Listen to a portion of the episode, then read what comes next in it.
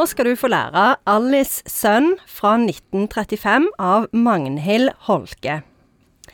Det er ikke bare lett å bo hos svigerforeldrene sine med et lite barn når mannen er på sjøen hele tida. Heller ikke med to barn.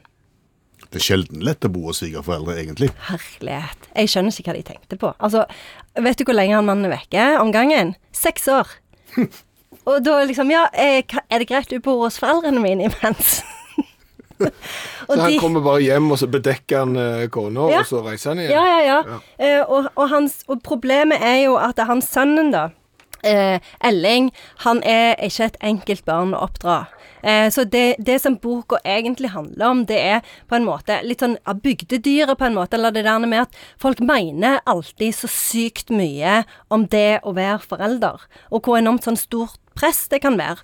Og når du bor hos svigerforeldrene, og de òg bare klager hele tida og liksom sier at det, For hver gang han eh, Elling gjør en feil, da, så sier de at det, han er en tufs til kar.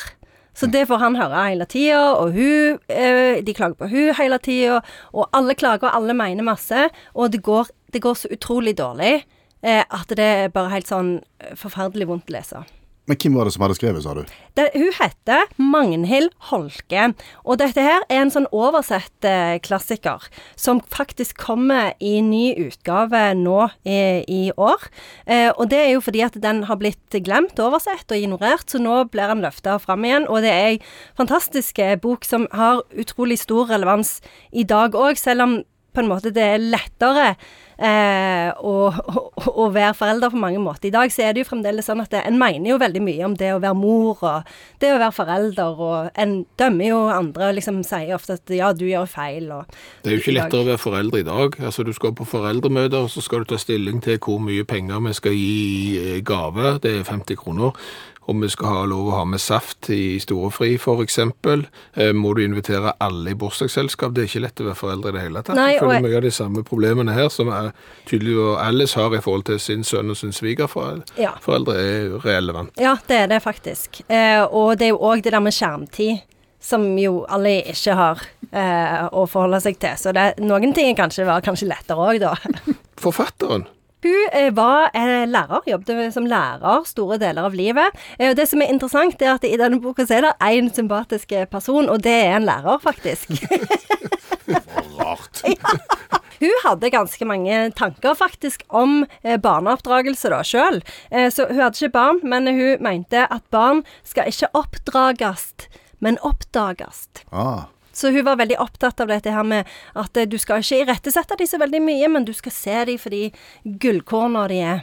Men du sa at eh, Elling som vokser opp, eh, en snodig skrue. Jeg kjenner en annen forfatter som har skrevet om Elling som også er en snodig skrue. Mm, jeg tenkte på det, men jeg vet ikke om det er om, om han Inger Arnbjørnsen er, er inspirert av, av Holke, eller hva som er lenka der, men jeg òg tenkte på det. Men var de mye tufs? Altså, For jeg har vel ikke hørt ordet tufs siden vi var innom fuglene. Der, der er det vel tufs. Herlighet, vet du hva. Og jeg, jeg blir så glad. Jeg blir så full av glede. Det er helt fantastisk. For på en måte så får jeg litt lyst til å begynne å bruke ordet tufs igjen. At det Jeg vet ikke. Er det, er det noe vi får ta tilbake? det er ikke noe vi må ta tilbake. Da bruker vi heller Taskens bilder. Tasken spiller. Ja, det er for lite brukt. OK, men da er det greit. Jeg er med på det.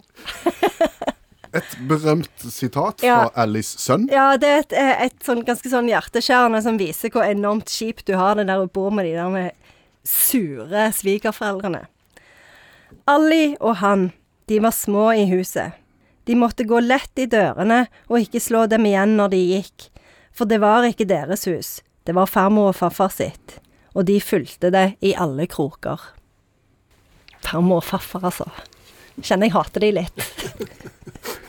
Vil du oppsummere Alice sønn? Jeg tror dette kan være en veldig bra bok å lese for de som eventuelt tenker at de skal bo hos svigerforeldrene mens de bygger nytt hus.